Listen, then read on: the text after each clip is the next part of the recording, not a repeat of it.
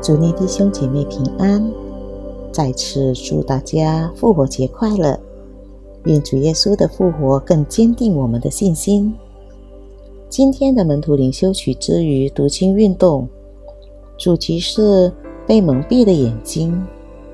阅读经文是路加福音二十四章十三到三十五节。我们一起低头祷告。亲爱的天父，我们满心感谢你，感谢你的大爱，因着这爱，我们得以被救赎，罪被赦免，甚至得着永生。感谢你。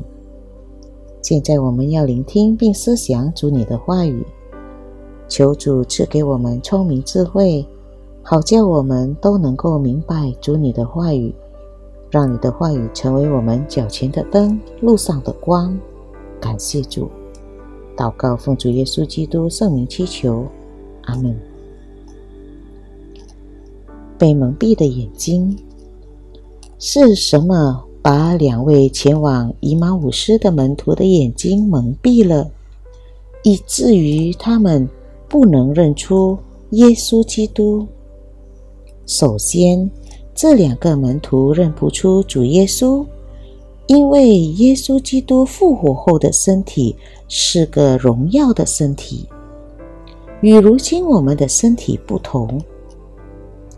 复活的身体是不朽的属灵性身体。请对照哥林多前书十五章四十二到四十四节，在马可福音十六章十二节中，这个复活的身体。被称为具有另一种外观的身体。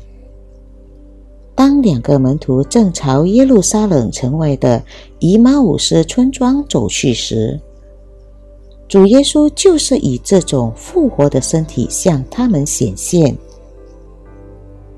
其次，这两个门徒不认识主耶稣，因为他们不相信主耶稣已经从死里复活了。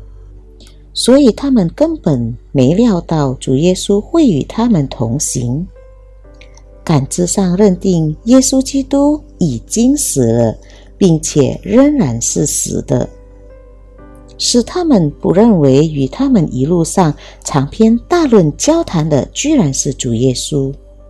正是这种错误的感知妨碍了对基督的识别。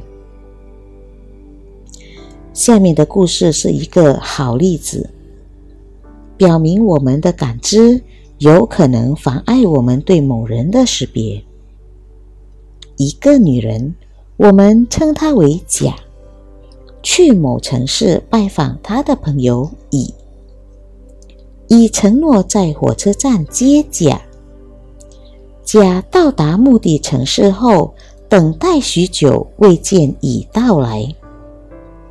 当乙接到甲的电话时，乙说他一直在火车站等着，到处寻找他，但没有找到甲。甲随后试图仔细观察每一个经过的人，最后甲终于认出了乙。为何甲和乙不能立即认出对方呢？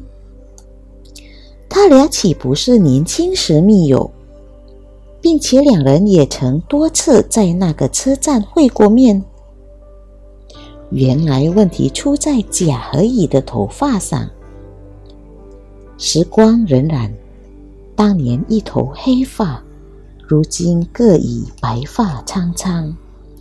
他们俩都没有意识到自己的头发颜色已经改变。我们同样也可能是那样。如果我们对上帝的认知是错误的，我们也将无法识别出介入我们生活中的上帝。你是否已经对上帝有正确的认识？我们一起低头祷告。主耶稣，感谢你，你的爱拯救了我们。你的复活使我们的盼望不至于突然，使我们的信心更坚固。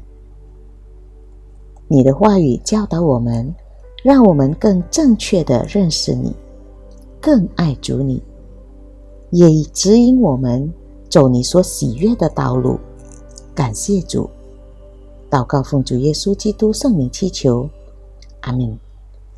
祝你弟兄姐妹再见，愿主耶稣的爱与平安喜乐常与我们同在，阿门。